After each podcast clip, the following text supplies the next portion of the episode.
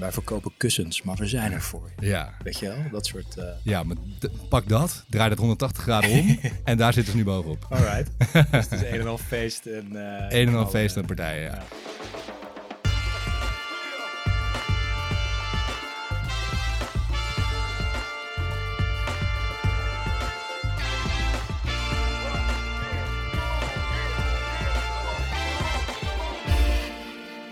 Goedemorgen, goedemiddag, goedenavond of wanneer je dit ook luistert. Welkom bij een nieuwe aflevering van The Brief, de podcast over content, marketing en creatie.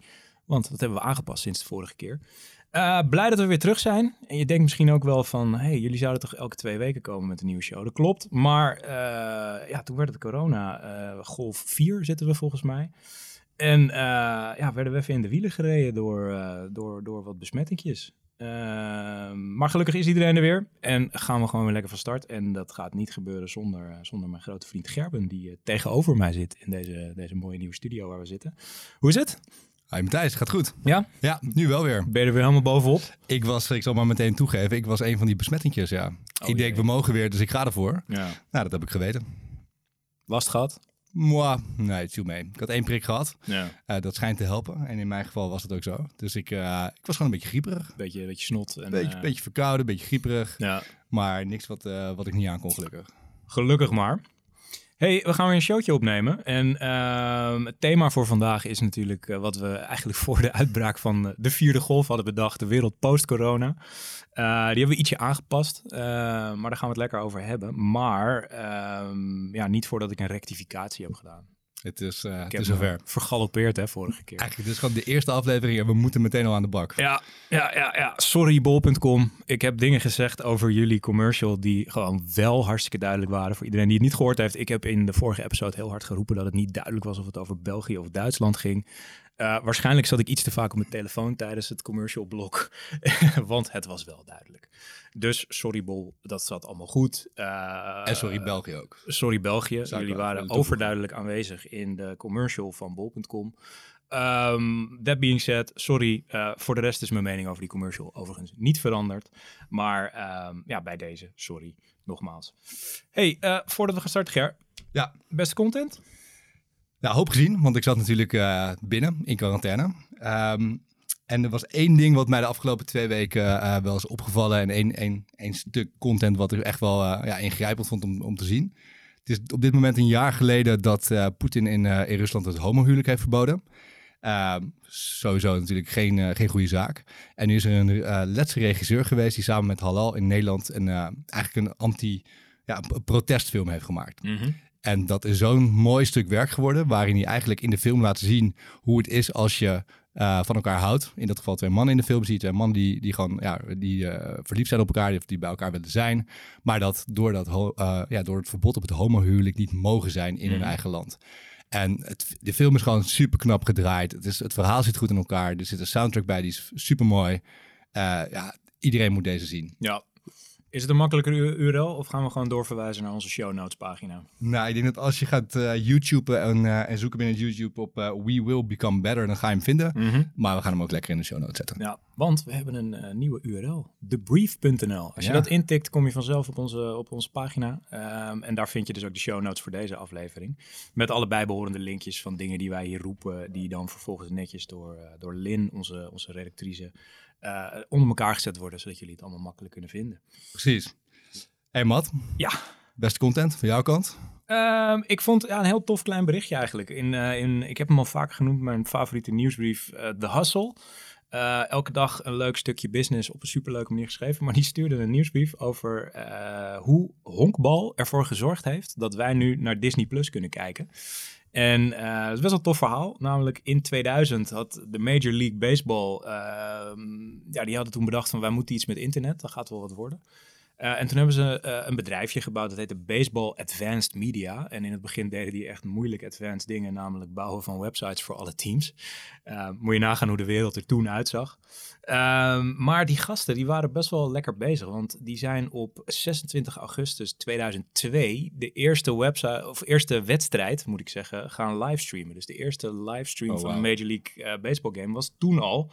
Eh, om het in context te plaatsen, YouTube is pas in 2005 opgericht. Dus die waren echt wel gewoon uh, ja, vroeg. En hebben daar dus ook de infrastructuur voor gebouwd en servers en, en gewoon massaal shit kunnen streamen, zeg maar. Ja. Um, dat hebben ze daarna ook heel snel voor andere sportsleagues gedaan. Dus voor uh, de NHL, de National Hockey League en, en HBO hebben ze daar op een gegeven moment ook bij gezet. Uh, dus dat ging super lekker. En uiteindelijk heeft Disney in 2017 75% van dat bedrijf gekocht. En ja, vrij kort daarna uh, maakte ze bekend dat ze een streamingdienst ging beginnen. Dus dat is in het kort de relatie tussen honkbal en Disney+. Plus. En Sneeuwwitje. Ja, ja. Sneeuwwitje met een honkbal. maar zij maken dus, Disney Plus maakt dus volledig gebruik van de architectuur en de technologie van dit bedrijfje. Ja, ik hoop dat ze het inmiddels wel een beetje geüpdate hebben. Maar, maar die, die, player uit 2002. Ja, ja. Ja, ja, goed. In vergelijking met Netflix heeft Disney nog wel wat te winnen. Maar nee, dus die hebben dat bedrijf gekocht. En op basis daarvan zijn ze Disney Plus gaan, uh, gaan uitbouwen. Dus de hele wereld kijkt nu naar een, uh, naar een, een, service die bedacht is door... Uh, door de Major League Baseball. Nice, ja, nice. Dus uh, dat vond ik leuk. En dat allemaal, eigenlijk is de grootste content tip hierbij dus, los van Disney+, Plus, volg de Hustle. Ja, dat is denk ik al de derde keer dat ik een tip of zo in deze show, maar de Hustle is echt een toffe, toffe newsletter. Ik zal een linkje posten en uh, volgens mij als jullie het linkje gebruiken wat ik, uh, wat ik deel, dan krijg ik stickers van ze of zo. Dus die, als die binnenkomen, dan, dan zal ik die ook verloten onder alle luisteraars. again, als je eventjes op een linkje wil klikken naar een van deze verhaaltjes of van andere dingen die gaan volgen in in de show, ga naar debrief.nl. Daar ga je alles vinden. En dan uh, gaan we van start. Let's go. Alright, gaan we beginnen. Uh, zoals net al gezegd, de wereld post-corona. We hadden er helemaal zin in, hè? The Summer of Love. Ja, iedereen was er helemaal klaar voor. Ja. En toen ging het even niet door. Uh, dat is jammer. Maar hij gaat wel komen. Uh, dus, dus we moeten alleen nog even geduld hebben. We zijn een beetje in het onderwerp gedoken en er is um, één wetenschapper, um, die heet dokter Nicolas Christakis uh, van Yale. Dus als die het zegt, is het waar. Die heeft een boek geschreven dat heet uh, Apollo's Arrow, The Profound and Enduring Impact of Coronavirus on the Way We Live. En wat die beste man heeft gedaan, is die heeft gekeken naar nou, wat doen we tijdens een pandemie en wat gebeurt er na een pandemie, omdat dit niet de eerste pandemie is die we gehad hebben in, uh, in de wereld. En ook niet de laatste zal zijn. Uh, nee, zeker niet. Nee. Zeker niet. Dus um, hij is echt de geschiedenis ingedoken en, en uh, daar kwam eigenlijk ook wel iets heel positiefs uit, namelijk dat um, vroeger was een pandemie op deze schaal eigenlijk altijd het einde van een civilization, van een, van een beschaving. Ja. in veel gevallen, ik denk dat we de Inca's die uitgeroeid zijn door, door griep vanuit, vanuit Europa natuurlijk allemaal wel uh, enigszins kennen. Maar dat was altijd echt wel een soort van, van um, ja, kritisch ding. En, en hij zegt ook van, we moeten wel stilstaan bij het feit dat wij nu de eerste generatie zijn die gewoon in real time hebben kunnen anticiperen op zo'n op zo'n pandemie. En daardoor gewoon onszelf uh, veiliger hebben kunnen stellen. Wij, wij zijn eigenlijk de eerste generatie dus die een pandemie ook al echt overleeft. Of de eerste civilisatie. Ja, actief kan bestrijden, denk ik. Weet je wel? Dus, dus voorheen was het gewoon die dingen die woekeren rond. En op een gegeven moment heeft iedereen het gehad. En, ja. en uh, ja, iedereen die het overleeft, heeft het overleefd. En iedereen die het niet over, heeft overleefd, die is afgevallen. Om het maar even uh, zo te zeggen. Survival of the fittest. Ja, ja, maar echt. En, en nu zijn wij dus voor het eerst in staat om gewoon actief terug te vechten. En uh, dat zegt hij ook vandaar. Uh, ja, moeten we onszelf echt heel erg veel complimenten voor, uh, voor moeten geven. Moeten we onszelf complimenten voor geven. En wat hij verder heeft gedaan is dus um, de meest recente grote, grote epidemie of pandemie was het zelfs ook. Was de Spaanse griep in 1918. En um, die ging toen ook de wereld rond. En eigenlijk zien we nu exact dezelfde patronen ontstaan. Dus hij zegt van wat gebeurt er tijdens zo'n pandemie? Dan zie je uh, mensen isoleren zich. Nou ja, dat is uh, al dan niet opgelegd, maar dat, dat doen mensen dus. Gaan wc-papier kopen? Wc-papier. Uh, toen ook, heel gek. Dat zag je toen ook. nee, wat je wel zag is, is religie komt enorm op. Mensen zoeken steun in, in allerlei dingen, waarin religie natuurlijk altijd een, een, een, ja, een troostende factor kan hebben. Dus mensen vallen terug naar, naar religieuze gewoonten. Ja, hebben we dat nu ook gezien dan? Um, nou, ik denk dat mensen wel op zoek zijn geweest. Ik, ja, dit is puur en nu naar op, uh, complotten vooral, toch? Nou ja, dat, ja, ik denk dat je in zo'n complot ook wel parallellen kan trekken met, met, re, met religieuze stromingen Oeh, natuurlijk. Gewaagde uitspraak. Om, nou, nee, niet dat ik, laat, laat helder zijn dat ik religie niet vergelijk met, met complotten. Maar nee, mensen zoeken antwoorden. En, ja. en, vinden die of in religie en helaas tegenwoordig ook in heel veel complottheorieën. In een groter geheel. Ja, ik denk dat en, dat het wel is. Wel, en, ja. en in die groepen vind je ook weer steun aan elkaar. Ja. En, uh, Dus ik denk dat daar het parallel ligt. Daar heb ik me goed uitgeluld. Nee, onthouding is ook een, eh, een, een eh, patroon wat je ziet. Dus mensen gaan minder alcohol drinken, minder feesten, omdat het gewoon simpelweg niet kan. En de gelegenheden dienen zich niet aan, maar ook seks wordt, eh, wordt veel minder eh, bedreven. Ehm, mensen gaan heel veel geld sparen. Eh, want je kan het niet echt uitgeven. En iedereen die gelukkig nog een baan had, die is veel meer gaan, gaan geld gaan oppotten. Ja. En mensen gaan actief risico vermijden. En dat werkt ook na zo'n pandemie nog wel door. Maar je ziet daarna ook altijd wel een enorme contra-actie, waarvan de Roaring Twenties natuurlijk eh, een, een eh, prachtig voorbeeld zijn. Van de vorige eeuw kennen allemaal The Great Gatsby natuurlijk, die, dat soort films. die, eh, prachtig, ja. allemaal, dat, dat die hele vibe wordt, werd voorspeld en wordt nog steeds voorspeld. Ja. Eén ding wat ik, wat ik wel interessant vond aan zijn, aan zijn verhaal was dat, dat dit waarschijnlijk pas in 2024 gaat gebeuren. Dus, dus waar iedereen in de startblokken stond van yes, we gaan er weer voor.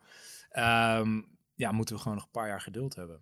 Eh, want Dit is eerst, eigenlijk dus goed nieuws. Toch? Ik bedoel, want de Summer of Love is nu eigenlijk een beetje gecanceld op dit moment. ja, zo voelt het. Maar eigenlijk kunnen we dus de aankomende twee jaar nog elke keer gewoon daar naartoe blijven leven. En waarschijnlijk af en toe al een klein beetje proefdraaien ook, Ja. als dat mag. Ja, dat we gewoon eerst van een summer of flirting en dan een beetje summer of fun en dan eh, de summer of love eh, in 2024. Dat, eh, nee, dus dus eh, vanwege de economische schade die is, is eh, ontstaan, eh, gaat dit gewoon langer duren.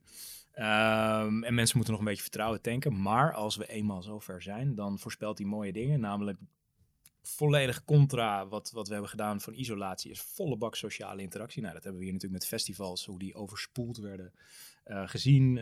feesten, eh, nou ja, de, de onthouding wordt allemaal ingehaald. Dus je krijgt echt exorbitante feestgedrag, eh, seksualiteit, eh, allemaal dat soort dingen. Ja. Financieel gaan, eh, gaan de remmen los, dus mensen gaan echt flink spenden. Ehm, alleen voor, voor religies is het slecht nieuws. Want op het moment dat alles weer lekker gaat, dan, dan gaat dat natuurlijk heel erg. Lopen de kerken leeg. Ja, maar aan de andere kant ja, zie je dus ook dat, dat merken nog even geduld moeten hebben eigenlijk. En ehm, ja, dat, dat is natuurlijk wel iets wat we zagen. Dus ze stonden allemaal in de startblokken. De eerste campagnes werden gelanceerd. En ehm, ja, die, die waren er. En die Ik- moesten nog even terug. Ik denk dat merken heel weinig geduld hebben gehad de afgelopen maanden. Ja, Toch, als we een beetje om ons heen hebben gekeken. het zijn net mensen wat dat betreft. Het, het zijn Ze wilden mensen. iets te graag. Ze wilden ook gewoon een soort van summer of love voor, voor advertising en, en content marketing, denk ik. Ik denk dat de eerste, de eerste die ik gezien heb was Food Supply. Mhm. Volgens mij was het in maart of april ergens was dat al. Ja. Eh, die toen al helemaal zeg maar, de Summer of Love aan het claimen waren en daarop in aan het spelen waren. En ja, vanaf dat moment zie je de ene na het andere merk inhaken op de, ja. de post-corona periode. Wat, wat zag je nou veel in die commercials, als je het moet duiden, zeg maar? Van wat... Ja, ja mensen, tongen. eh, Tongen. Tongen. Ja, Ja, door dat viel opvallend vaak, toch? Dat je dat zag. heel, heel Ja. vaak, heel vaak. En allemaal wel natuurlijk eh, net op een iets andere manier eh, gebracht in een iets andere vormpje. De ene met wat meer humor, de andere wat, wat echt erotisch bijna, zeg maar. Eh, maar je zag vaak wel weer, ja, toch wel weer veel merken een beetje hetzelfde doen. Mhm. Dus die Summer of Love, dat was gewoon, je zag in de reclamefilms en in, in de commercials en in de, de campagnes, zag je heel veel ja, mensen elkaar opzoeken. Eh, mensen de liefde bedrijven, mensen gewoon, ja, alles wat ze hadden moeten, eh, wat niet meer mocht, zeg maar, zag je ze inhalen. Dat, was het, was het net zo erg als, als aan het begin van de pandemie herinner ik me al die epische filmpjes nog met een zacht pianomuziekje. Stay safe. Ja, wij verkopen kussens, maar we zijn er voor je. Ja, Weet je wel? Dat soort... eh ja maar pak dat, draai dat 180 graden om en daar zitten ze nu bovenop. Alright. dus het is een en al feest en... eh, Een en al knallen. feest en partijen, ja. Ja. En logisch, want ik bedoel, uiteindelijk wil een merk denk ik ook gewoon inspelen op, op, een, op een tijdsgeest en op een, eh, op een momentum. Daar wil, je, daar wil je op meeliften, op die golf. En dit was wat er aan zou zitten te komen. Dit was, dit was zeg maar een beetje waar, ja, waar merken natuurlijk, eh, waar, waarvan we wisten van dit gaat eraan komen. Dit moment gaat eraan komen, daar gaat iedereen gaat daar eh, naar uitkijken ook. Ja. Dus ik denk dat merken gewoon heel dolgraag willen meeliften op dat gevoel. Ja. Ehm, ja, je kan, ik vind het ergens jammer dan dat elk merk weer opnieuw een beetje van hetzelfde daarop inspeelt. Maar het is, het is begrijpelijk. Het is begrijpelijk. Zijn, er, zijn er opvallend leuke, goede dingen gemaakt? Ja, ik- van binnen dit spectrum springt die er wel bovenuit? Nou, wat ik dus goed vind eigenlijk, ik noemde Soet Supply al. Mhm. Ehm, Maar was dat, was dat echt goed of was dat gewoon de first mover? dat. Maar dat, dat deden ze goed. En ik denk dat daarom is hij mij bijgebleven. Maar we hebben een beetje rondgevraagd op kantoor ook en om ons heen. Hij is heel veel mensen bijgebleven. Ja. En ik denk puur door het feit dat zij de eerste waren, eigenlijk op een moment dat ze te vroeg waren. Dat de Summer of Love was nog best wel ver weg. Het was nog volgens mij nog best wel koud buiten ook. Mhm. En, en toen al haakte zij erop in. Dus zij hebben eigenlijk een beetje de toon gezet. En dan, ja, dat blijft dan toch mensen bij. Ja, ze spelen natuurlijk ook in op, op een verlangen wat mensen diep van binnen hebben. En niet zozeer of het nou al 100%. kan of niet. Dus dat verlangen is, is super mooi om, eh, Ja. om die, die juiste snaar te raken, zeg maar. Ja, ja. Ehm, andere die ik heel mooi vond was ehm, van, eh, eh, over, de, over de zee uit Amerika, Extra Gum. Ja. Die hebben een commercial gemaakt van een paar minuten, dus bijna een minifilmpje. eh, met een beetje dezelfde boodschap. Dus ook gewoon mensen die eindelijk na die lockdown weer naar buiten mogen. Mensen die zelfs blij zijn dat ze weer naar kantoor mogen. Waar je, je ziet mensen gewoon de kantoren enteren en, en de begroeiing aan de kant schuiven. Omdat ze weer ja, naar kantoor mogen. Ja, ik dacht dus toen ik hem, toen ik hem aanzette, dat, dat je eerst keek naar een soort van The Walking Dead scène of zo. Je ziet ook echt zo'n stad met allemaal planten eroverheen en stof en, en dat soort dingen. Ja, maar dan hele vrolijke zombies die blij zijn ja, dat ze weer naar buiten mogen. Ja. Ja, dat was wel echt tof gedaan. Ja, en het leuke vond ik daaraan, ik bedoel, je kan je natuurlijk afvragen nu bij sommige merken van, oké, je speelt in op de Summer of Love, maar past het wel echt bij je merk of bij product? Ik bedoel, Supply heeft natuurlijk ook wel een beetje een track record met dit soort campagnes, Ja. dus daar past het bij, Ja. daar, daar verwacht je het van. Ja. En Extra Gum heeft natuurlijk een hele mooie knipoog gemaakt van, yo, voordat we met z'n allen weer bovenop elkaar duiken, erin. eerst een kauwgompje erin. dus dat vond ik, eh, ja, hij paste en dat was leuk uitgevoerd en, eh, en ze, die waren er ook redelijk, eh, redelijk op tijd bij. Dus dat was goed. Maar met wat we nu weten, dus dat we in 2024 eigenlijk pas weer echt de Summer of Love gaan meemaken. Ja. Ehm, zijn ze dan niet te vroeg? Nou, dat denk ik wel. Ja? Dat denk ik wel. Ik denk dat eh, uiteindelijk dat eh, eh, heel veel mensen op zich nu ook wel weer een teleurstelling te, ver- ja, te moesten verwerken. Nu Mhm. natuurlijk in Nederland in ieder geval de lockdown toch weer een klein beetje is opnieuw is ingevoerd. Ja. En ja, ik, ik denk niet dat het per se op merken heel slecht gaat uitpakken. Ik denk niet dat merken deksel op de neus krijgen als ze volledig op die Summer of Love zijn, zijn gedoken. Nu dat weer gecanceld is, zeg maar. ja. Maar ik denk wel, ja, je gaat natuurlijk, als, als het klopt wat jij zegt, dus in 2024 wordt het echt de Summer of Love. Ja, twee jaar lang dit soort commercials kijken. Dat, ik denk dat iedereen dat wel letterlijk de strot gaat uitkomen. Dus wat dat betreft, je moet wel een beetje blijven vernieuwen dan in je Ja. boodschap en in, in hoe je dat gaat doen. Ja, en is het dan op een gegeven moment nog een onderwerp waar je het over wil hebben? Zeg maar? dat, je, dat je niet gewoon weer terug moet naar de reguliere thema's waar je mee bezig bent. En, en gewoon, ja, die Summer of Love, die, dat is misschien iets wat we eigenlijk heel graag wilden, diep van binnen. Ja. En dat is niet in een flits zo, maar daar moet je gewoon naartoe groeien. En daarom, ja, als het zo geleidelijk is, is het niet echt iets wat je heel lang eh, gaat volhouden. Uiteindelijk, uiteindelijk is het meer een soort van inhaker. Ja. Zoals je als merk inhaakt op eh, de Olympische Spelen nu of op het Mhm. EK, waar we het vorige keer over hadden. Ja, Ik denk, het is gewoon een, het is gewoon een inhaker geweest, denk ik, achteraf gezien strakjes. ja, Ehm, en voor sommige merken zal het goed uitpakken, voor sommige wat minder. ja, precies. Maar er zijn belangrijkere thema's dan, dan dit, waar een merk zich denk ik eh, eh, ja, op lange termijn aan eh, zou willen verbinden of mee aan de slag zou willen gaan. Zoals. Nou, er viel mij nog iets op. Oh, soepel deze. Dit, deze was soepel, Je hè? komt er lekker in, Gerben. Alsof, alsof wij dit hebben geoefend. Nee, wat los van dat je heel veel mensen ehm, elkaar ziet opzoeken in de, in de Summer of Love commercials, viel mij ook op dat je een heel divers palet aan mensen ziet. Ja. En dat inclusiviteit en diversiteit echt goed is doorgedrongen, lijkt het wel op dit moment, in, in commercials en in, eh, en in marketinguitingen. Ja. En dat is natuurlijk echt wel een mooi, eh, een mooi iets. Ja, want dat vergeet je natuurlijk bijna in de hele corona-ellende. Maar is dat de hele George Floyd en eh, de, de Black Lives Matter-revolutie, om het maar zo te, te, te noemen, Ja.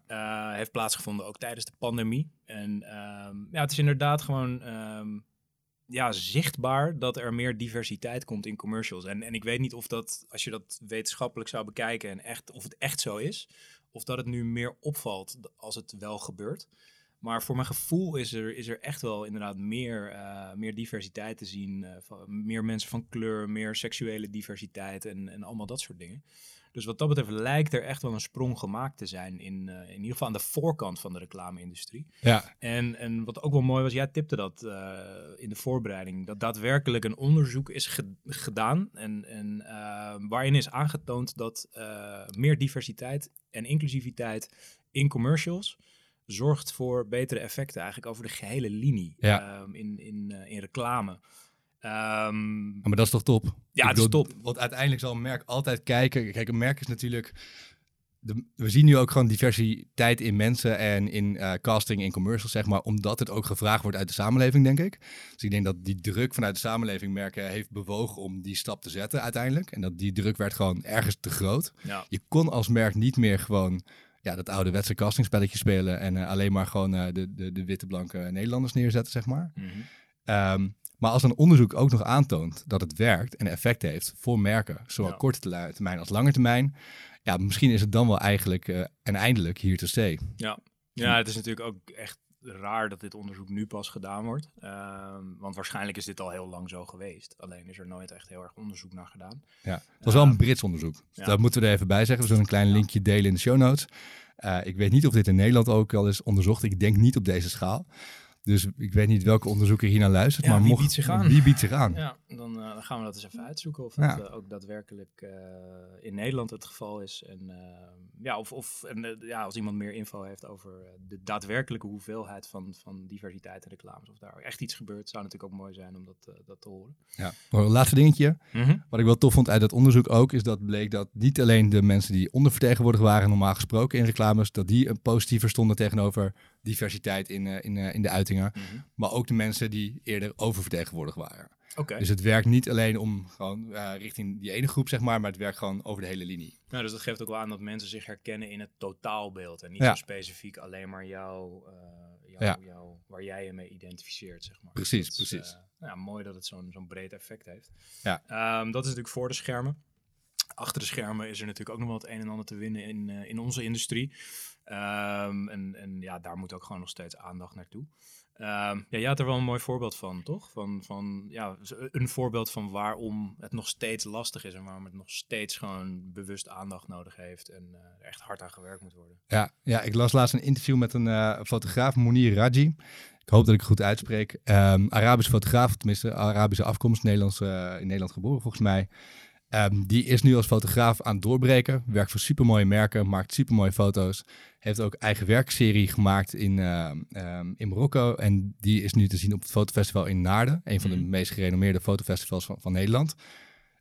Maar hij zegt wel in dat interview, en dat, dat, ik had daar nog nooit zo over nagedacht. Hij zegt, vaak als ik op een set aankom, eh, dan denken mensen dat ik de assistent ben van de fotograaf. Ja. Ik bedoel, zoveel vooroordelen leven er nog. precies dat is natuurlijk het issue. Dat is het issue. En hij zegt, als ik gewoon wil casten, eh, hij zegt, ik vind het gewoon fijn ook om eh, Arabische jongens of jongens van Arabische afkomst eh, te casten. Maar dan heb ik vaak keuze uit drie modellen bij een bureau. Ja. Eh, en ik denk dat als, als, als dat zeg maar, ik denk dat het goed is wat hij doet. Want hij, eh, hij cast dus expres heel veel Arabische jongens om ze ook gewoon een podium te geven. En zo creëer je rolmodellen. Eh, hij is natuurlijk voor fotografen zijn rolmodel. Maar voor de modellen geldt het natuurlijk net zozeer. Dat ja, als je gewoon mensen ziet waar jij mee kan identificeren en die op jou lijken. Dan, dan krijg je gewoon een beeld van wat er voor jou ook mogelijk is. Ja. En dit is maar één klein voorbeeldje. Maar ik denk dat je gewoon over de hele linie dat soort voorbeelden kan, kunt vinden. Ja. En, eh, en het goed is als, de, als dit vaker gaat gebeuren.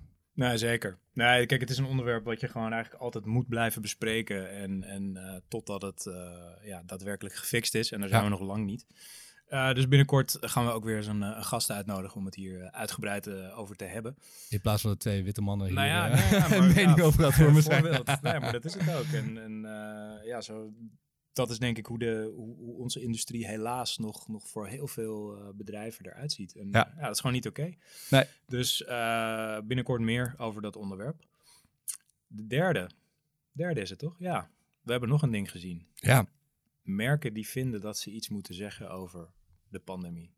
Ja. En voornamelijk met het vingertje wijzen. het vingertje wijzen eh, en eigenlijk een ja, activistische houding innemen bijna. Kijk, ik vind op zich, ik ben nooit tegen merken eh, die eh, stelling nemen. Ik vind het op zich, een merk heeft ook gewoon een rol in, een, in, in de maatschappij. Ja. Dus wat dat betreft mag je ook gewoon wel ja, een kant kiezen, wat mij betreft. Ik vind het eigenlijk altijd wel stoer. Eh, ik bedoel, Nike met, met in het hele, ja, ook het eh, racisme-debat, zeg maar. De stelling Ja. die zij genomen hebben. super Colin, eh, Colin Kaepernick. ja, ik zocht, Mhm. eh, ik zocht zijn naam inderdaad, dankjewel. Eh die, die doen dat goed. En die, doen dat, die kiezen dan een, een, een zaak waar ze zich gewoon, dat wat bij ze past. En die, die blijven daar gewoon vanaf, vanaf dat moment ook achter staan. En eh, dat voelt heel authentiek. Mhm. Maar ik denk dat we er net eentje gezien hebben die misschien net even wat minder goed uitpakt. Vertel. Heineken. Ja, ja. Ik denk dat de meeste luisteraars de commercial wel voorbij hebben zien komen. Eh, commercial waarin je een, eh, een groep ouderen helemaal los ziet gaan. Nou, beide bejaarden mogen we wel zeggen. Eh, wat oudere mensen in ieder geval los ziet gaan op een feestje. Sowieso, de commercial is gewoon super grappig en leuk gemaakt, goed gemaakt, zit goed in elkaar. Maar de boodschap die het eigenlijk moet overbrengen, Mhm. namelijk The Night Belongs to the Vaccinated, vond ik wel net iets te ver gaan eigenlijk. Ja? Ja, Waarom? Omdat ik denk dat ehm The Night Belongs to the Vaccinated, Please Join Them, iets te veel mensen buitensluit. We hebben natuurlijk vanaf het begin van de, van van de pandemie eh, hebben we het over vaccinatie gehad, dat die er misschien aan gingen komen. En vanuit de politiek en vanuit de maatschappij is dit altijd wel geroepen als in, ja, dit moet een vrije keuze zijn voor de mensen. Eh, als het een vrije keuze moet zijn, moeten er ook alternatieven zijn. Nou, we hebben Mhm. natuurlijk geprobeerd om testen voor toegang eh, eh, op te tuigen. Dat is nog niet helemaal lekker gegaan. Eh, Leven nu de gevolgen daarvan. ja, daar ben ik ook slachtoffer van geworden. Ehm, maar uiteindelijk vind ik wel dat je ehm, als merk op zo'n thema ethisch gezien niet deze uitspraken en claims kan doen. Oké. En jij bent, het, Interesting. jij bent het niet met mij eens. Nee, ja goed, ik vind het een moeilijk onderwerp. Kijk, toen ik hem voor het eerst zag, had ik zoiets van, ah tof, goede boodschap. Want ik heb zoiets van, vaccineren is hetgene wat, ja, wat we aan het begin ook, ook eh, leerden, dat, dat ons in staat stelt om, om deze pandemie te overwinnen. Ehm, nu ben ik zelf gevaccineerd. Eh, ik heb daar niks tegen. Ik ben gezond genoeg om het te ontvangen. Eh, dus, dus ik had zoiets van, nou, ik vind het lachen en ik ben het ermee eens. Om, omdat je ja, eh, daardoor gewoon het leven zo snel mogelijk weer kan oppakken. En, en ehm, kijk, de nuance die ze missen is dat er een groep mensen is die het pertinent niet wil. Ja. Eh, en er is een groep mensen die om wat voor reden ook het, het vaccin niet kan krijgen. Omdat, ze dat, omdat het invloed zou hebben op hun gezondheid. En ja, mensen die het vaccin niet willen, heb ik zoiets van ja, dat, dat is een consequentie van het feit dat je het niet neemt. Dat je dus eh, beperkingen gaat krijgen. Ehm, ja, en, en dat is een keuze dus die je bewust maakt. En, Ja. en ehm, ja, nogmaals, ik vind het lastig om, om te beoordelen of je dan daadwerkelijk in je, in je democratische eh, recht aangetast wordt als jij ervoor kiest om, om je niet te vaccineren voor, eh, voor iets. Maar als we nou gewoon, gewoon gaan kijken, ik bedoel, oké, we zeggen allebei, volgens mij zijn we het met elkaar eens dat een merk mag best stelling nemen. Zeker. Eh, dan moet je ook, dan, dan kan het ook negatieve aandacht tot gevolg hebben. Absoluut. Nou, maar ik denk dat Heineken dat ook heel gecalculeerd gedaan heeft. Die hebben zoiets van, weet je, 80% van Nederland zal zich ongeveer laten vaccineren. Die is er niet op tegen. Dat ze ik denk van, ja, prima, weet je, die, Ja. eh, die pakken we gewoon. Maar als je nou kijkt naar alle reacties die dit heb, of, heeft opgeleverd, hè? ik weet, kijk, Alle ik- ophef. alle ophef die dit heeft, kijk, het heeft aandacht opgeleverd. Ja, zeker. En je kan natuurlijk van de school zijn, negatieve aandacht bestaat niet. Nou, dan heeft Heineken gewonnen. Ja, kijk, ja, kijk ik heb met die, met die, die aandacht mensen die dan de, op Twitter gaan roepen van... ik heb al mijn Heineken net door de wc gespoeld en ik ga vanaf nu Hertog Jan drinken, weet je wel. Ja, Heineken zal ook zoiets hebben. Prima joh. Weet je, ze niet Doe boeien. lekker je ding, Nee. weet je wel. Waarschijnlijk eh, koop je volgende week Amstel en je weet niet eens dat het van dezelfde brouwerij is. Ehm, dus nee, dat is absoluut gecalculeerd. Maar denk, vind jij het bij het merk passen? Nou ja, kijk, ergens heb ik altijd als merk, kijk, je kunt ook geen stelling nemen ehm, en dan doe je helemaal niks. Weet je wel? Dus zij gebruiken nu het bereik wat ze hebben en de, de power die zij kunnen inzetten om, om iets te promoten wat zij eh, goed vinden voor de wereld. Ja. Dus of het nou Nike is die een Colin Kaepernick omarmt of, of Heineken die zegt van ik vind vaccineren belangrijk, dat, dat mag. Het enige waar het een beetje, een beetje scheef kan gaan is, is als je het doet om de aandacht. En vervolgens daarna weer verder gaat met, met iets, weet je wel. Ja. En, en kijk, met eh, Nike heeft overigens ook best wel wat, wat eh, pushback gehad over het feit dat ze dit wel, wel roepen en, en doen. Maar als je in het senior management van Nike ging kijken, dan was daar ook gewoon een enorm representatieprobleem. Weet Ja. je wel? Dus, dus ook daar is het niet perfect, maar zij hebben dat wel voor hele lange tijd omarmd. Ja. En dit is iets wat ja, hopelijk eh, over, eh, over een paar maanden, waarschijnlijk over een, een paar jaar, gewoon weg is. Dus Ja, voelt het hem misschien een beetje als makkelijk scoren en, Precies. en, eh, een beetje brandjes stichten voor, voor ophef. Ja. En vervolgens gaan we weer door naar... En misschien moeten we hier een rectificatie over doen eh, over, over een jaar. En heeft, en heeft Heineken alleen maar gezondheidscommercials de wereld ingeslingerd. Nou ja, ja, dat, dat wellicht, kan natuurlijk. ja. Maar ik denk dat die kans zo klein is. Nou, en als je het op moreel gebied bekijkt, schiet me ineens te binnen. Kijk, ze hebben natuurlijk ook met 0.0 hebben ze gewoon een hele campagne opgetuigd rondom geen alcohol en, en autorijden. Omdat dat natuurlijk ook gewoon niet zo goed huwelijk is. En daar investeren ze toch ook structureel in om, om dat onder de aandacht te brengen. En uiteraard daardoor meer 0.0 bier te kopen. Ja. Ehm, ja, dus, dus ergens zitten ze wel wat meer op een, op een morele route, zeg maar. Dus, eh, Ja. Maar hebben ze dan wel, wat mij betreft, een beetje de verkeerde afslag genomen nu? Nou ja, goed. Let's, ik, ik ben er nog niet over uit. Ik vind het, ik vind nog steeds. Uh, ja, ik, ik vind ook dat, dat uh, iedereen die het enigszins kan doen, uh, zich zou moeten laten vaccineren. Ja.